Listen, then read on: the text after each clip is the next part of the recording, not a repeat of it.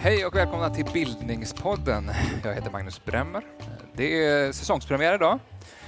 Vi sänder, eller spelar in, från eh, Bokmässan i Göteborg och det kommer att handla om eh, makt, passion, ond bråd död och någon toffelhjälte kanske och eh, dödliga ormar och sådär. Vi får se. Eh, ämnet är Kleopatra, den egyptiska drottningen och vi har två antikhistoriker med oss här idag. Ni får presentera er själva.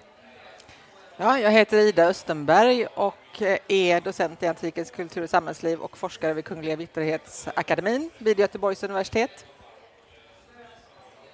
Och jag heter Allan Klynne. Jag är fildoktor i antikens kultur och samhällsliv och författare. Har precis kommit ut med en bok om Pyrrhus och för några år sedan skrev jag en bok om just Kleopatra.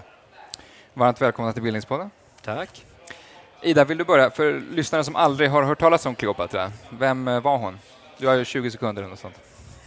Jo, eh, Kleopatra var den sista regenten i den ptolemaiska dynastin som regerade i Egypten. Ptolemejerna eh, regerade där mellan Alexander den stores död 323 och Kleopatras egen död, möjligtvis genom ormbett år 30. Eh, hon är mest berömd för sina förhållanden med två stycken mycket mäktiga romerska män, nämligen Caesar och Antonius och hon spelade själv också en stor aktiv del i det politiska spelet under den här perioden mellan republik och kejsartid. 30 sekunder. Det var stiligt gjort. Eh, men Allan, Horné är trots allt en ganska välkänd historisk figur, en väldigt välkänd historisk figur till och med, och igenkänd eh, också till utseendet till och med kanske. Vad, vad beror den här berömmelsen på? Ja, det beror på att man har kunnat ehm, eh, använda henne inom eh, drama, konst, och, eh, film och reklam i vår tid. Eh, alltså det fanns andra kvinnliga eh, fiender till romarna. Eh, Tevta till exempel, en piratdrottning från nuvarande Montenegro och Kroatien som, som romarna hade ett eh, hårt krig mot. Men i och med att det är den här kärlekshistorien då med Caesar och sen Antonius så eh, har Kleopatra eh, fått den här mytiska statusen genom Shakespeare, dramor och eh, sen filmer på 1900-talet, konst och så vidare. Vad är det som har fascinerat med henne som person, utöver kärlekshistorien? Då? Det har varit lite olika i olika tider. Eh, till en början så var det att hon var så, en sorts anomali, alltså hon var motsatsen till ska vi säga det patriarkala samhället, eh, männen i politiken, alltså en drottning som hon anförde ju egna arméer och liksom eh, tog för sig. Eh, men det där var positivt under ett skede, under, under 1600-talet kan man säga, när vi har drottning Kristina i Sverige så, då, då uppfattades det här som någonting eh, lockande och fascinerande.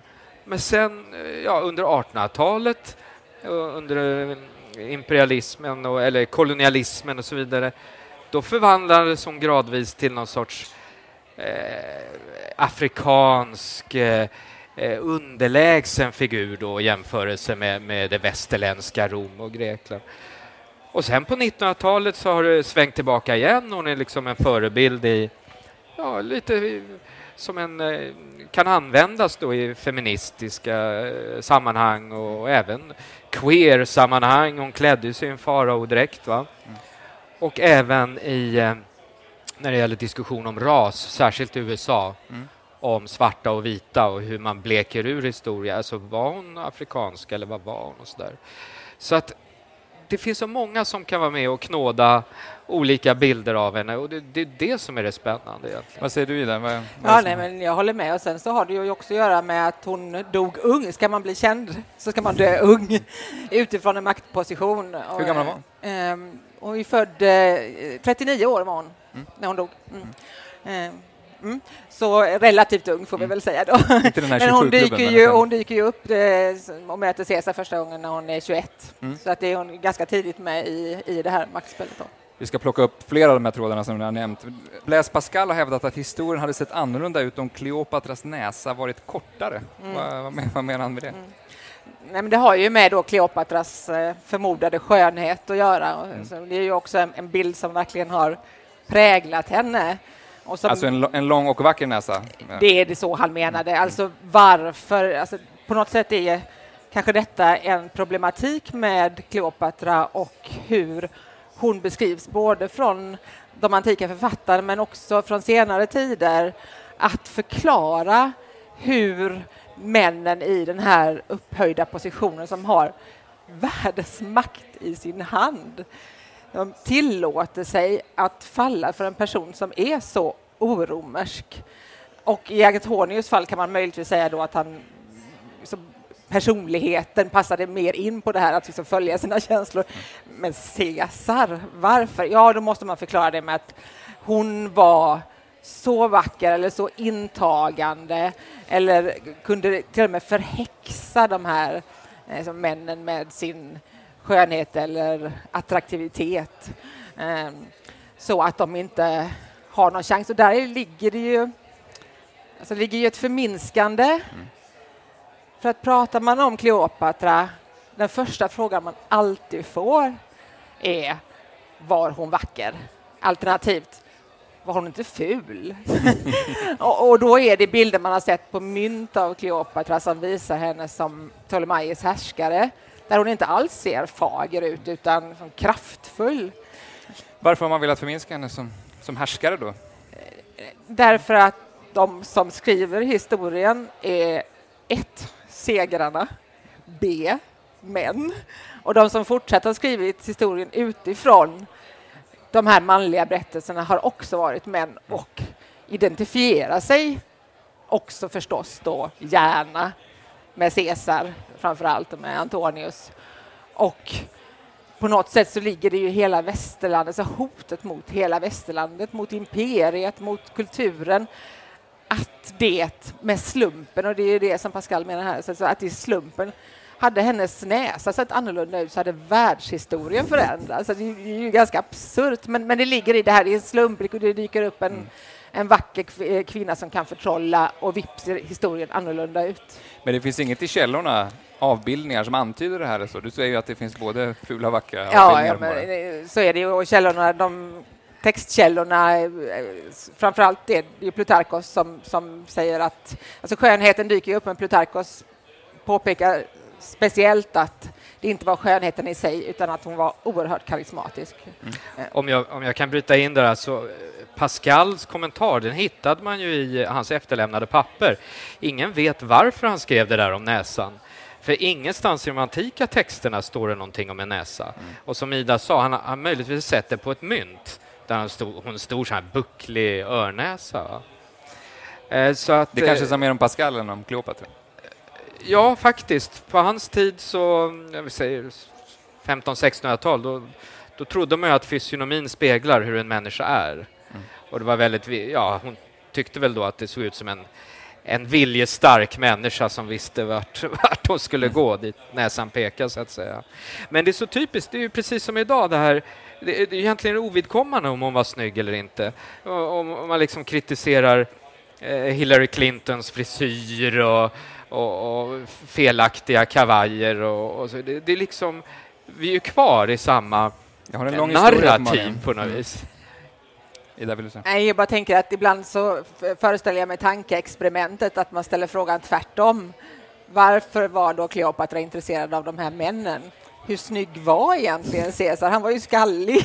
Han var Alltså, 52 när, de Pre- träffades. precis, och Antonius, vad skulle hon med honom till? Börja Ja. dissekera hans eh, kroppsdelar. Vi kan, vi kan, den tråden kan vi plocka upp senare. Men att, apropå källorna, vad vet vi egentligen om, om Kleopatras eh, biografi? Hennes tidiga liv kan vi börja med. Ja, det är ytterst lite. Alltså, hela hennes barndom är, ju fullkomligt okänd. Utan hon, hon trillar fram då ur en matta eller en säck när hon är 20, 21 och träffar Julius Caesar.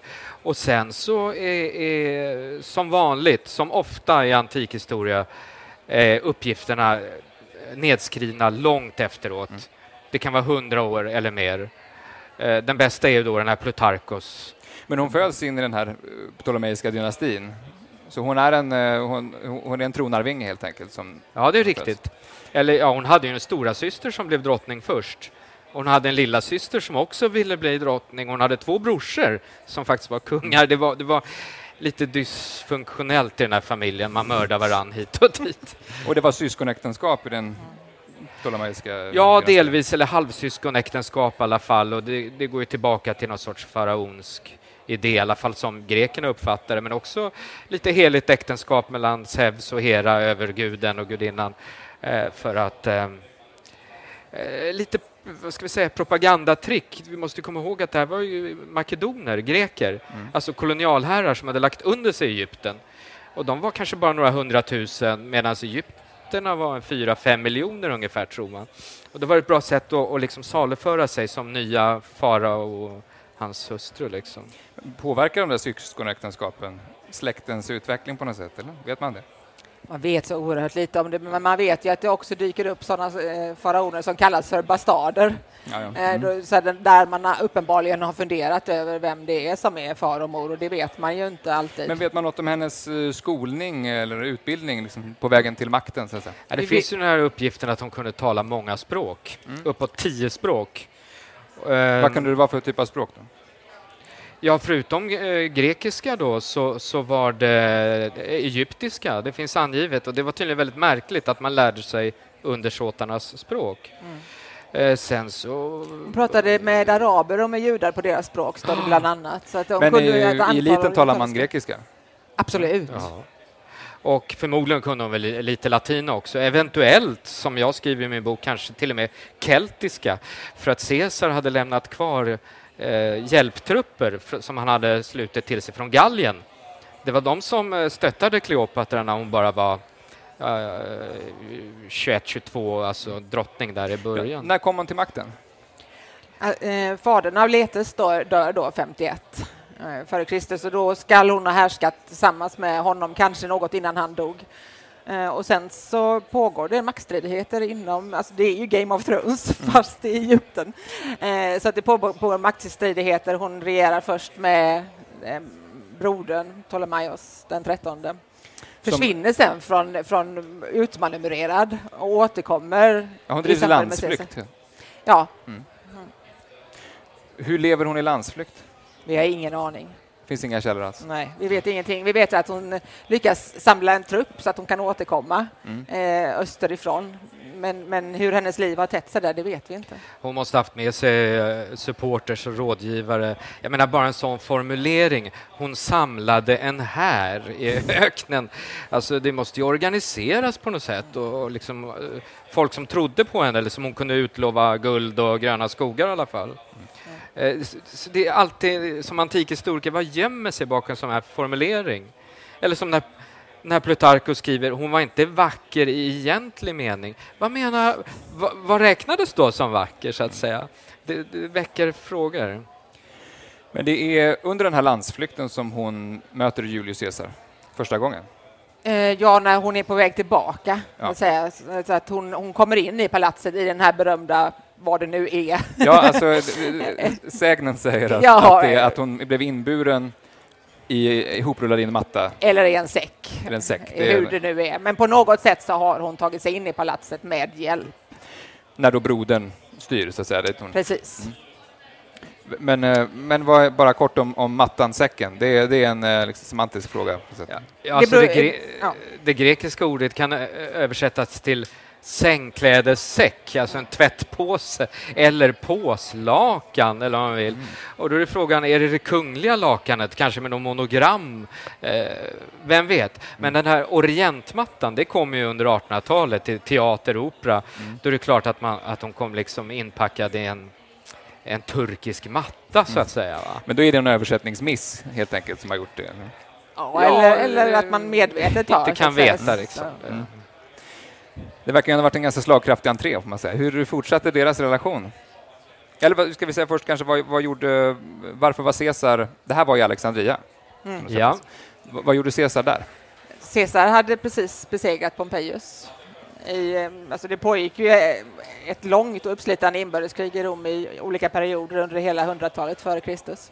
Och det är det som Julius Caesar mer eller mindre startar genom att korsa Rubicon och säga Han att han kastar tärningen. Ja. Ja. Eh, men det, och det finns en förhistoria förstås. Det är inte bara att han plötsligt bestämmer sig för att invadera Rom. Nej, men det är den Eh, mest kända scenen Ja, det är, så, så är det. Och Pompejus eh, flyr till Grekland och så småningom så står det avgörande slaget i mellersta Grekland vid och Farsalos var på Pompejus eh, förlorar, vilket man eh, egentligen inte skulle tro att han skulle ha gjort för han hade större eh, armé till sitt förfogande. Men eh, han flyr och han eh, tror sig ha vänner i Egypten. Det borde han ha. Han har haft kontakt där tidigare. Eh, och, eh, men när han då landstiger så blir han istället mördad.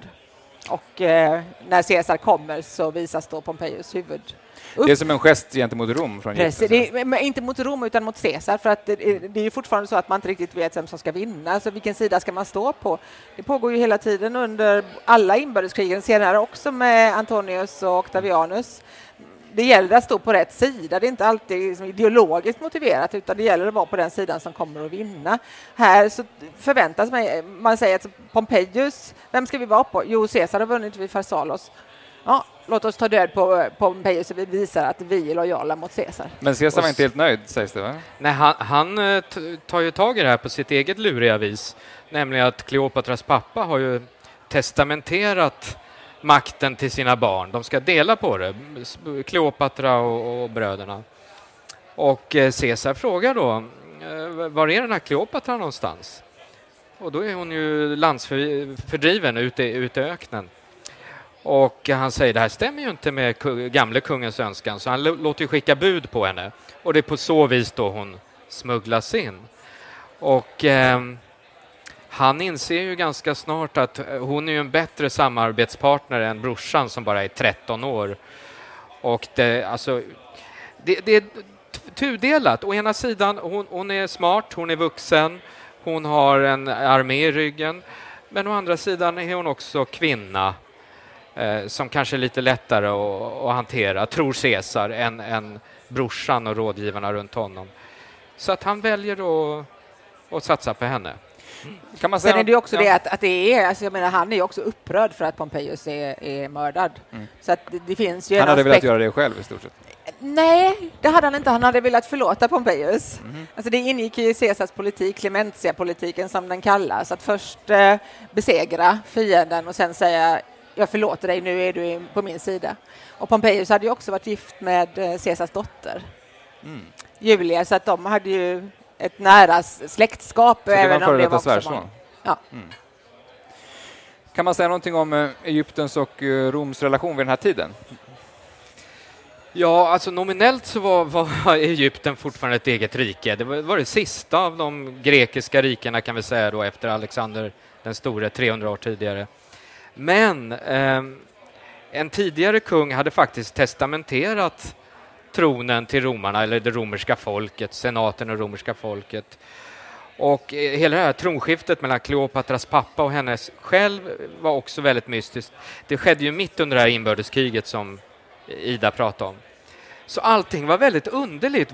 Var det fortfarande ett, ett, ett suveränt eget land, om vi säger så, lite anakronistiskt, eller skulle det räknas som ett klientrike, ett, ett, ett lydrike till Rom? Det var liksom någon sorts rättslig gråzon. Och, eh, Men, men, ja. men hade, det var ett slags beroendeförhållande gentemot Rom från, för Egypten? Ja, det måste man ju säga. Egypten kunde inte sätta agendan eh, själva vid det här laget. De var man inte. rika, men de var inte lika, hade inte lika mycket makt. Ja, det är riktigt. Det var, det var antagligen eh, Medelhavets eh, rikaste land när det gäller både naturresurser och, och invånarantal. Men sen kommer Kleopatra till makten. Ja, som, som Caesars eh, lyddrottning kan man säga. Och föder ju honom också troligtvis en son, vilket är en, en viktig bidragande del i hela den maktstriden. Som, Du som hon rullade inte bara ut ur mattan, utan det blev en relation av det här. det blir en relation. Mm. Hur såg man på den från, från Roms sida? Alltså att han hade relation... Och på barnet? Ja. Problemet är barnet. Alltså att han... själva, för han var ju, han var ju gift. Ja, ja, okej, nu pratar vi detaljer. Det är Alltså- spännande detalj. Eh, alltså, Han kärleksrelation... var otrogen också, får man säga. Alltså, Det spelade ingen roll i den eh, tiden. Caesar, liksom senare Augustus till exempel som Antonius, eh, de fa famösa för att ha eh, olika slags kärleksrelationer. Eh, Men och Caesars Caesar barn- är ganska förtjust över det faktiskt också. Det enda att han, är, han har problem med att han har varit, haft en homosexuell relation som ung med en kung i Betynien. Det är problematiskt, men i övrigt så soldaterna i hans triumftåg till exempel eh, sjunger att eh, akta er nu män och göm era kvinnor för här kommer den skallige förföraren. Så att det ingår i hans image. Ja, ja. Men, eh, men det här barnet ställer till vissa problem? Eller då? Det blir ju en, tron, en potentiell tronarvinge. Ja, ja, precis. Nu finns det ju ingen tron egentligen Nej, i men- Rom eh, än så länge, men, men eh, En lill-Caesar. Så är det ju, precis. Och det är ju liksom ett band som förenar också just speci- specifikt Caesar med Kleopatra eh, och kan bli som en potentiell eh, eh, som maktfaktor i också det framtida Egypten. Eh, så hur man ska hantera detta är väldigt, eh, väldigt knepigt och framför allt blir det också knepigt sen när Caesar blir mördad, vem då som ska ta, så att säga, axla hans mantel. Mm. Hur många år går det däremellan från att de träffas till, till att han eh, blir mördad? Ja, drygt... Eh, nej, vad blir det? det är Från fyra 40 år 48 till ungefär. Det är- 44, det går ja. ganska snabbt. Men för, för Kleopatra är den här pojken ett starkt kort att spela ut. Men frågan är om Caesar brydde sig alls. Och hon verkar ju ha velat bli gravid igen. Hon, hon var och besökte Rom. Hon var i Rom när Caesar mördades. Och enligt en vissa formuleringar i Ciceros brev så verkar det som att hon var gravid igen och fick missfall. Men det intressanta är ju att Caesar nämner ju inte pojken i sitt testamente utan hans eh, makt läggs i händerna på Octavianus då, som sen blir kejsar Augustus. Så han var, han var ju en oäkting eh, Han fick ur aldrig romerskt något perspektiv. inflytande riktigt. Nej, sen, hela striden sen står ju om hans position. Vem är egentligen lill-Caesar? Är det den här Kleopatras son eller är det Octavianus? Och liksom vem, vem är, kan ta upp arvet efter Caesar? Då? Och Antonius förstås. Ja. Eh, Men sen beror det ju på hur man tolkar. Alltså det där är ju en tolkning om, om hon var gravid igen Ja. Som, eh, eh, som lite svår, lite knepigt. Vi ska komma in på... eh, Men det är det här som är intressant. Ja. Alltså, orden och nyan- Du sa hon, hon födde honom en son. Eh, Man kan ju också säga att de fick barn tillsammans. Mm. Är Lite mer neutralt. Men under de här fyra åren, eh, kan man, hur, hur är hon som eh, politiker eller som strateg? Kan man säga någonting om hennes eh, förhållande till Rom och hur hon agerar och så vidare? Hon är där. Alltså hon, kommer Hon är ju, där stora delar av den tiden. Eh, Vi vet ju inte. Nej. Vi vet bara att, att hon kommer till Rom. Hon kanske till och med var i Rom när Caesar själv firade sina fyra triumfer, bland annat över Egypten. Mm. Och då han visade upp systern, eh, Arsinoe. Eh, Och det kan ju möjligtvis... Kleopatras system. Precis. På ett väldigt... eh, Mycket dramatiskt Mycket, sätt. Och det, så han, hon visades på en, en bår och det togs väldigt illa upp i Rom eftersom hon var liksom, en ung kvinna som, som visades så som en besegrad motståndare. det var inte Eh, värdigt en, en Det var inte härskare. värdigt. Det var inte värdigt. Och han hade andra problem i den här triumfen också. Han visade dödade romare från inbördeskriget. Så att, att eh, hela den här problematiken om hur han hanterade sina segrar och, och hur han visade upp de främmande och kvinnorna i sitt triumftåg kom att få avgörande betydelse för hur Octavianus senare skulle fundera över vad han skulle göra med sin seger och, och om Kleopatra skulle visas eller inte. Och Det- sen är det också, hur gjorde hon sin entré i den här fil- på den här bilden? Vi har ju Elizabeth Taylor här i bakgrunden. Det är inte inträdet i Rom. ja. Ja, från 1963, då kommer hon ju ridande, kan man säga, på en stor svart svings som dras in genom en triumfbåge. Det måste ju vara en av filmhistoriens mäktigaste scener, men det, hur mycket av det där stämmer Nej, det, det stämmer ju inte alls. Eh, dels därför att triumfbågen i bakgrunden, eh, det är Konstantins triumfbåge, den kom till Konstantin. 350 år senare. Mm. Eh, men eh, de som gjorde filmen, de, de ville absolut ha den där, va? för det var Rom. Liksom. Eh, Men det står ingenting direkt i, i de antika källorna vad som hände. Och det är mycket möjligt att, alltså, hon var ju tvungen att hålla en låg profil. Det var visserligen ett statsbesök, men fick inte sticka ut för mycket. Och främmande kungar fick ju inte komma innanför Pomerium, alltså Roms heliga stadsgräns. Så hon kanske satt eh, i någon villa någonstans och, och liksom såg inte triumftåget alls. Men, men det blir ju ingen balt i filmer. Hon bin, ja, Eh, uppenbarligen. men hon befinner sig där när, när eh, Caesar möd, mördas genom en konspiration i senaten kan man säga Absolut. kortfattat. Absolut. Är, är liksom deras relation någon, något slags motiv i, i mordet? Om en I- liten del? Eller? Inte som källorna säger. Den, eh, de- texterna pratar ju om eh, att Caesar vill bli kung. Att det är det som så att säga, utlöser eh, konflikten. Men det ligger ju också andra saker i bakgrunden. Alltså ren och skär maktkamp. Han vill bli kung, han- vilket innebär att han vill förvandla Rom från republik till Precis. diktatur i stort sett. Precis, och han har ju också tagit över. Han är dik- diktator på livstid till exempel vid det här laget. Mm. Och det är många som är besvikna. Det är många som har förlorat mot honom, stått på Pompejus sida och blivit just förlåtna efteråt, vilket är som mycket svårt enligt eh, romersk pinsamt. är, är mycket som eh, kränkande faktiskt. Mm. Eh, så att det finns ju eh, så anledning till att Caesar blir mördad kan vi prata om nästan Ja. annat i ett separat program för att det finns mycket att säga om det. Men, men eh, Han alltså, blir, han blir aldrig kung i alla fall. det är inte det att, ja, nej, men det är inte det att, att, att man i Rom tänker oj då, han har ett förhållande med Kleopatra, då måste vi ta livet av honom. Men, men däremot så finns det ju hela den här, alltså hans maktbas i östern i sig är ju intressant och han är precis på väg till Partien, alltså hela det orientaliska östra området. i det är Medelhavsområdet för eh, en ny, eh, ett nytt krigståg och där det är klart att Kleopatra skulle kunna fylla ska ha fyllt en, en funktion. Ni har redan nämnt lite grann vad som händer efter vi har kommit in på Octavianus och, eh, och Marcus Antonius då, som var en annan romare som hon hade en, en affär med. Som det sägs. Ska vi säga något kort om honom, vem han var? Ja, han var en eh, romare som hörde till den absoluta elitskiktet och eh, som var en förutsättning för att komma in i politiken och det militära. Eh, I sin, ungdom hade han eh, slösat bort på vin, kvinnor och sång, eh, men sen hade han skärpt sig och kommit in, blivit en av Caesars mest betrodda män då, under kriget i Gallien. Och eh, efter mordet så blev det ju väldigt skakig eh, situation i Italien. Men för att göra det kort så, så lerar han sig till slut med den här Octavianus och så gäller det då att möta Caesarmördarna i slaget vid Filippi två år senare, 42, eller slagen. Eh, och sen delade Octavianus och Marcus Antonius upp riket mellan sig och Antonius åkte österut.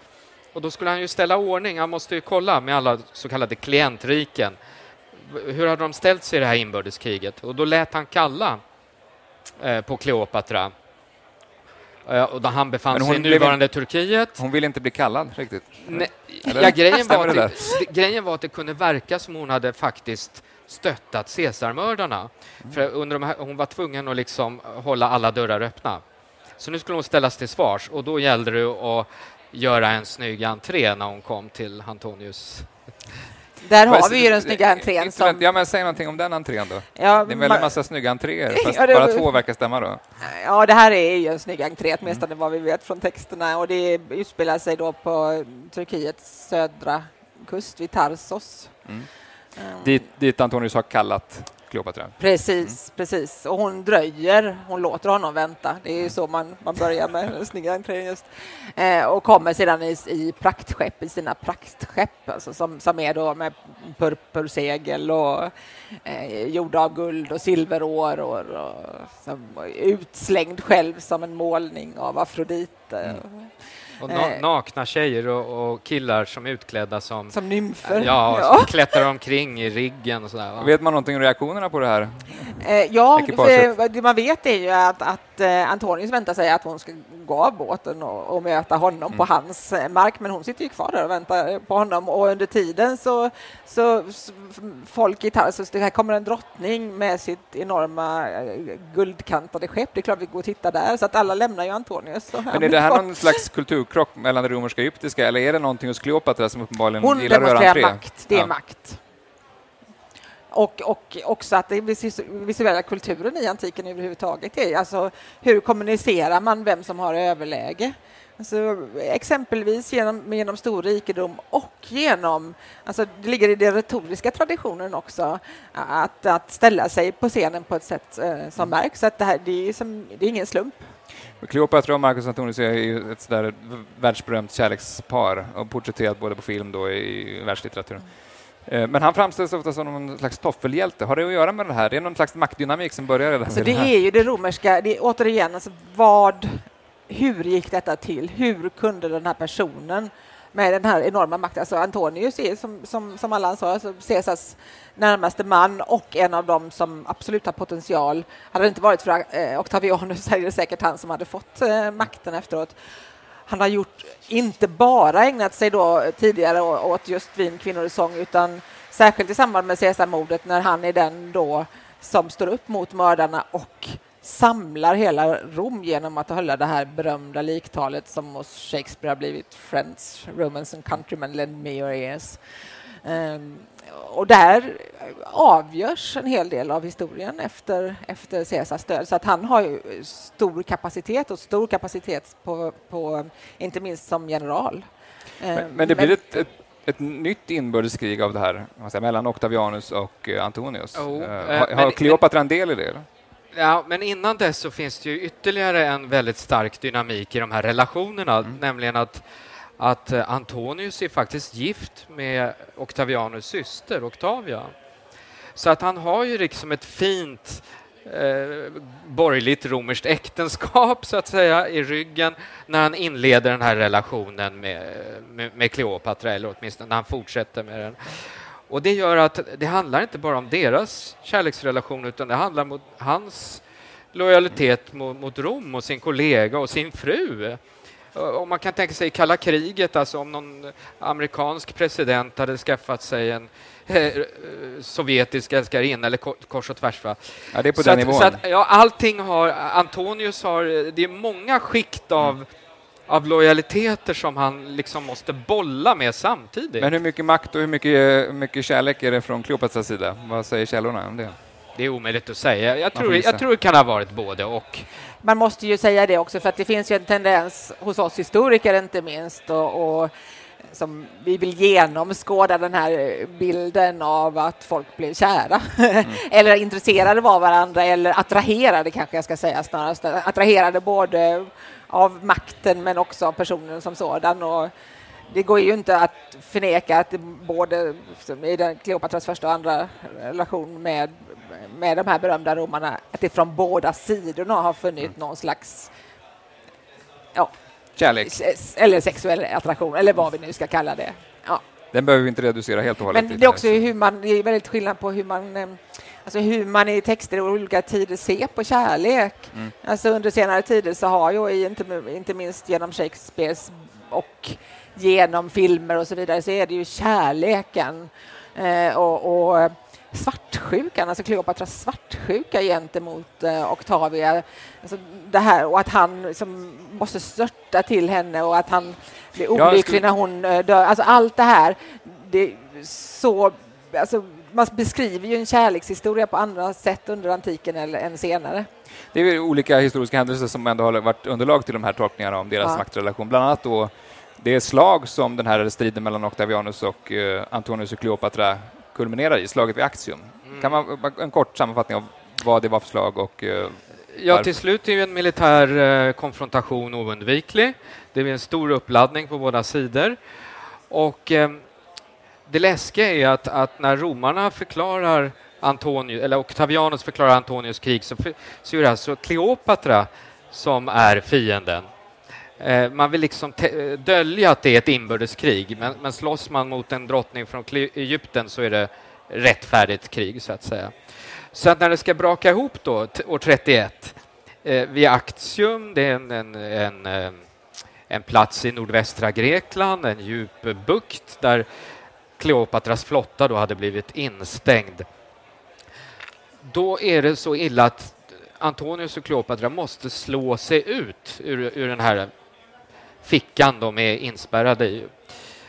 Och det som händer, för att hålla slaget kort, det är ju att romarnas flottilj, eller flotta dras isär. Kleopatra sticker iväg med sina skepp och när Antonius ser detta så avbryter han striden och, och liksom seglar efter Kleopatra. och lämnar sin här? Ja, ja, och så flyr de. Och då är frågan, eh, flyr, ah, har han blivit förtrollad av Kleopatra, han överger fegt sina män? Eller var det här överenskommet på förhand, att det var en taktik, att det var så man skulle kunna smita? Ja, vi vet inte, för att nästan allt om det här slaget, det är romersk propaganda efteråt. Mm det här, så här som Ida vet, Eniden och så vidare. Vergilius. eh, ja. Absolut, nej, det är de Hur beskrivs romers- slaget där? Alltså, de romerska poeterna spelar ju upp det här också som eh, en gudomlig ett ingripande från Apollo som, som då jämställs med den blivande Augustus. Alltså Octavianus är ju den person som sedan blir kejsar Augustus.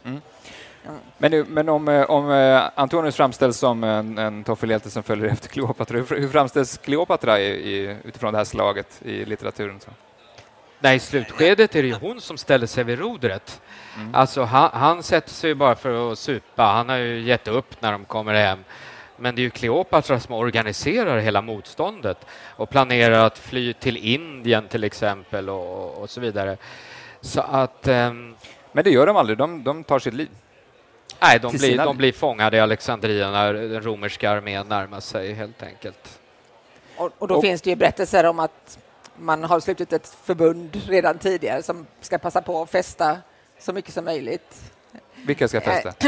Eh, alltså Antonius och Kleopatra. Ah, ja. mm. Eh, och det finns också berättelser om hur hon redan vid den här tiden börjar då preparera för sitt eget självmord genom att testa gift på fångar. Så att, eh, det finns ju också en bild av henne förutom allt det här med att hon är vacker och förförisk är hon också, framställs hon också som grym och delvis har hon säkert varit det. Alltså, vi vet att hon har låtit Antonius ta livet av sin syster exempelvis och kanske har även av eh, att hon har sett till att, att eh, den yngre brodern eh, försvinner tidigare. Men Så- du nämnde ju att Caesar tågade in med systern och, och man vill Ja. paradera med dem, de man har besegrat väl vid den här tiden. Men det ju, I huvudsak ja. I huvudsak ja. Och, och, och framför allt då är det ju viktigt att visa upp eh, kungar. Mm. Så att eh, Augustus säger själv senare faktiskt i sin eh, självbiografi, är svårt att säga, men det här dokumentet som heter Res Gesta är alltså det jag har gjort. Eh, som finns bevarat på en inskrift så säger han att han har paraderat nio kungar och kungabarn i sina triumfer. Och det är återkommande i alla texter som har med triumftågsbeskrivningar att göra, att just de kungliga var eh, hade en särskild symbolik, för det hade också att göra med att det romerska statsskicket hade genom sin krigs, sitt krigsmaskineri lyckats besegra de här depraverade kungadömena som just ägnade sig åt att huvudtaget ha den formen av styrelseskick. men Kleopatra lyckas ta sitt liv i fångenskap då? Ja, där, där har vi problemet då, att de fångade henne levande. Mhm. Och då var frågan, eh, skulle man visa upp henne i triumftåget? Eller skulle det liksom eh, slå tillbaka? Det blir liksom bli dålig PR? Mm. Egentligen vore det bättre om hon vore död. Och då har vi den här historien om ormen, eller ja, hon... hon Hur, hur, hur är det med den här ormen egentligen? Alltså hon satt inlåst, hon fick husarrest i sitt palats, inte i sin grav. Som det, man plockade ut den ur den här gravkammaren. Och så en morgon så kom det en man med en korg med fikon och eh, knackade på dörren, där ska levereras till drottningen. Vakterna släppte in honom, men under fikonen låg det då en giftorm som hon, hon och hennes tärnor kunde låta sig bitas av. Och så skickar hon ett brev till Octavianus att nu, nu är det slut, jag ger upp så att säga. Och då rusade man dit, slog in dörren och där låg hon då död och hennes tärnor höll på att segna ner. Man hittade ingen orm, men man hittade små prickar på armen. Och frågan är, var det någon sorts giftnål de stack sig med eller var det en orm? Eh, Vilken är den hetaste men det här är, det här är alltså texter som är flera hundra år senare. Så frågan är, vad var det som hände? Men- En av källorna säger att man har sett en orm ringla iväg från palatset och det är ungefär vad man vet om, om eh, själva händelsen. Men det jag tycker är allra mest intressant ändå med de här ormarna, eller ormen, det finns ju då, eh, så forskningen har ju ägnat en del tid åt att, diskutera hur många ormar det var, vilket jag kan tycka kanske är en något överflödig fråga. Men, ehm, men ehm, Plutarkos säger att, att det visades en... Han säger dels att, att Octavianus verkligen ville visa henne, han ville att hon skulle leva och det, det, det är egentligen källorna ganska samstämmiga med. Och det är problematiskt för att, att eh, alltså ska man ändå liksom tro att det ligger någon slags eh, om inte sanning så åtminstone en, en, en rimlig intention bakom det som sägs i texterna eller ska man försöka tolka det som att det finns något annat bakom och då har forskningen under tidigt 1900-tal eh, som velat gå åt andra hållet och säga att nej, Octavianus dödade henne. Mm. Han ville inte visa upp henne, problematiken är för stor. Hon har varit eh, alltså, faderns, eh, faderns Caesars älskarinna och eh, barnet Caesarion och Kleopatra har fortfarande vänner i Rom och så vidare. Men det kan, det kan inte vara ett tecken på respekt att man tillåts ta sitt liv? Jo, det, jag, jag, jag föreställer mig eh, faktiskt det, för att många av eh, de härskare som blir tillfångatagna under krig eh, av Rom erbjöds eh, möjligheten att ta sitt liv. De som inte gör det och sen visas upp i triumfen blir också bespottade.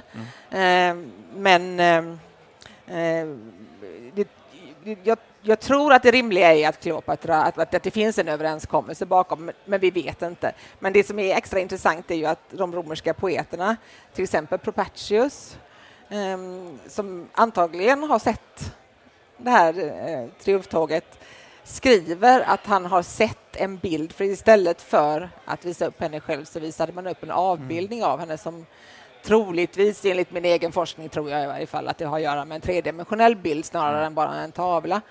Och där så står det att han har sett drottningen och armarna och ormarna, och ormarna som, som, eh, och hur hon dör. Alltså inte bara att hon är död, utan han ser hur eh, hur hon suger upp giftet från ormarna mm. i sin kropp och faller i dvala. Eh, och, och, det är någonting som återkommer faktiskt i de här skildringarna av romerska triumftåg, att man inte bara visar upp hur, alltså att, att fienden är död, utan faktiskt hur fienden dör. Det låter som en ganska dramatisk bild. Är det, det är har dramatisk. mytbildningen kring Kleopatra börjat redan där någonstans? Eh, det, jag tror att alltså, eh, ormarna kommer ifrån triumftåget, det tror jag. Mm. Alltså, man bestämmer där och då att det här är bilden om hur det gick till när Kleopatra dog och det är en bild som passar dem båda väldigt bra.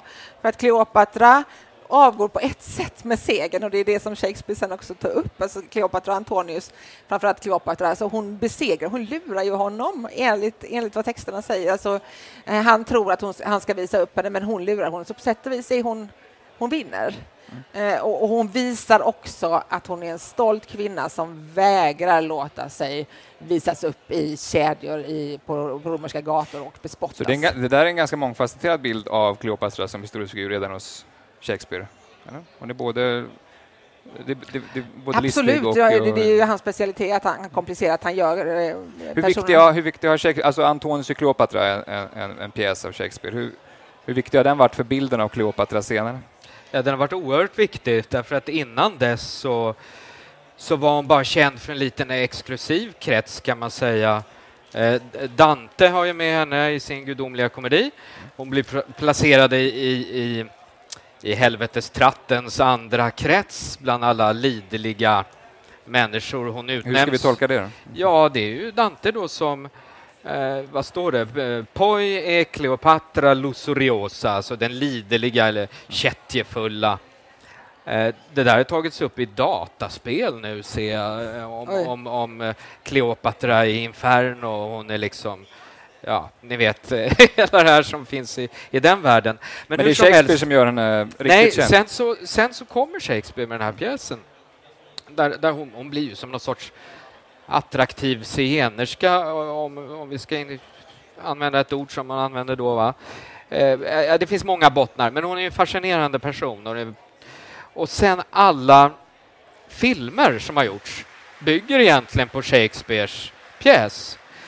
Så att eh, det liksom bara traderas vidare från 1604 ungefär när den här pjäsen kom. Och romaner och så vidare och så vidare. Eh, som jag sa här i början, mm. om det inte hade varit för det här kärleksförhållandet så hade hon antagligen glömts bort. Det är inte så många som nämner henne i, i, i senantiken och, och, så vidare. Det, det... Men du var inne på det där i början, hur har bilden av, eh, av Kleopatra förändrats sen efter det här? Shakespeare? Ja, sen så går den fram och tillbaka genom eh, århundraden och till exempel en annan eh, brittisk författare, George Bernard Shaw 1898 skrev han en pjäs där eh, liksom medvetet ville föra fram en annan bild av henne. Inte som en eh, eh, viljestark drottning utan som en sorts bortskämd brat som bara sprang runt där i sitt palats. Och, och, och, och det menar man då är liksom en mer realistisk en pjäs för, för, för 1900-talet. Va? Nu, man river ner de här kungligheterna och gör dem till lite mer vanliga personer. Så att, eh, Men det här med att hon var lärd och, uh, i språk och uh, Ja, det faller väl Jag har inte sätt. sett det, så många senare. filmer där hon pratar arabiska och grekiska, utan, utan det är liksom ständigt det här med utseendet och kärlekshistorien som hamnar i centrum. Va? Vill du säga något? En viss upprättelse får hon kanske ändå i, i filmen Kleopatra. Det beror ju på vilka ögon man ser det, men om man inte bara tittar på guldet och prakten, som man ju i och för sig är lite förtjust i mm. också, på ett ovetenskapligt sätt. Eh, men hon har ju en väldigt, alltså historien spinner ju runt henne och det är ju hon som, som tar initiativ, eh, både när det gäller förhållandet med, med Caesar, men sen också med Antonius, och som håller brandtal om imperium och hur Egypten och Rom tillsammans En, en verklig härskare och maktfigur på ja, ja, också faktiskt. Jag tycker man kan, man kan säga det, att den finns den bilden också. Och sen måste man ju också påpeka att det, alltså redan, om vi går tillbaks igen bara snabbt till de antika eh, källorna, så förutom eh, då Plutarkos som är det som Shakespeare bygger på, alltså Plutarkos blir översatt mm. via franskan till engelska då strax före 1600 och det är där alla hans romerska pjäser stammar ur, att det mm. finns en, en, eh, förlaga på engelska. Eh, men förutom då Plutarkos som har hela det här berättande dramat och som passar då Shakespeare så oändligt väl för att teatern finns där. Det är bara det att han spinner det ytterligare och gör karaktärerna mer intressanta och dubbelbottnade.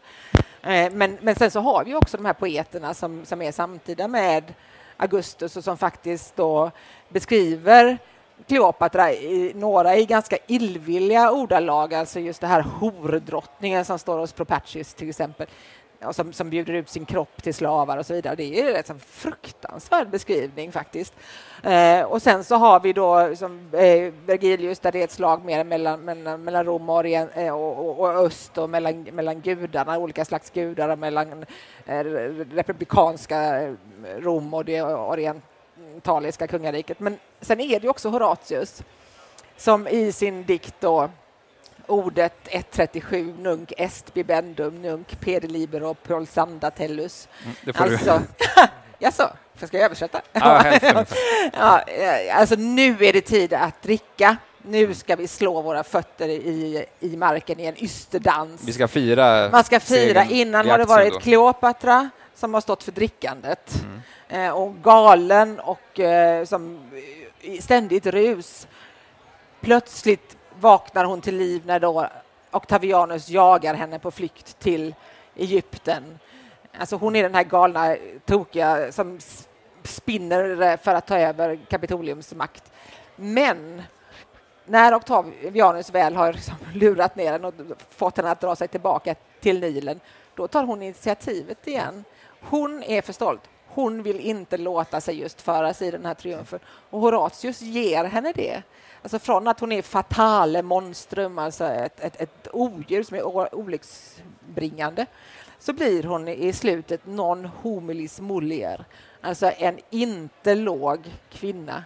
En stolt och, och ståndaktig kvinna som, som, som hon ta kommandot genom att ta sitt eget liv. Och så, ja, slutar, blir en... så slutar det där. Så att, eh, det finns ju en upprättelse också i Horatius som, eh, ja, det... som är en, ett av de spåren som, som, sen, som efter historien spinner vidare på och som har med stoltheten att göra. Mm. Det kan han ju kosta på sig efteråt och det blir en snygg utveck utveckling i själva dikten också. Den här uh, olika bilderna av henne, det måste ju ha funnits redan i hennes samtid. Alltså, vem, vem vill sitta och dricka te med Margaret Thatcher? Eh, må, många tycker om henne, andra hatar henne. Och det måste varit likadant med Kleopatra, alltså mångfacetterad, eh, karismatisk person som väckte känslor. En del eh, älskade och ville följa henne, andra hatade henne. Är det Så det, det som gjort att hon har... konstruktionen menar jag, utan, utan hon, jag skulle inte vilja träffa henne till exempel. Jag tror hon var ganska obehaglig och och möta privat i ett rum. Men det är det som har gjort att hon har fortsatt att fascinera genom historien, tror jag. Ja, den här mångbottnade karaktären. Vi måste börja runda av. Eh, tusen tack Ida Österberg och Anna Klynne för att ni ville vara med i Bildningspodden. Tack alla som har lyssnat här och eh, tack så mycket. Eh, och ni som lyssnar på det här i efterhand eh, kan eh, gå in på vår hemsida och läsa mer om våra gäster och eh, kommande program. Tack så mycket. Tack. Tack. Du har lyssnat på Bildningspodden, en podcast från humanistiska fakulteten vid Stockholms universitet. Producerad av Magnus Bremmer och Claes Ekman.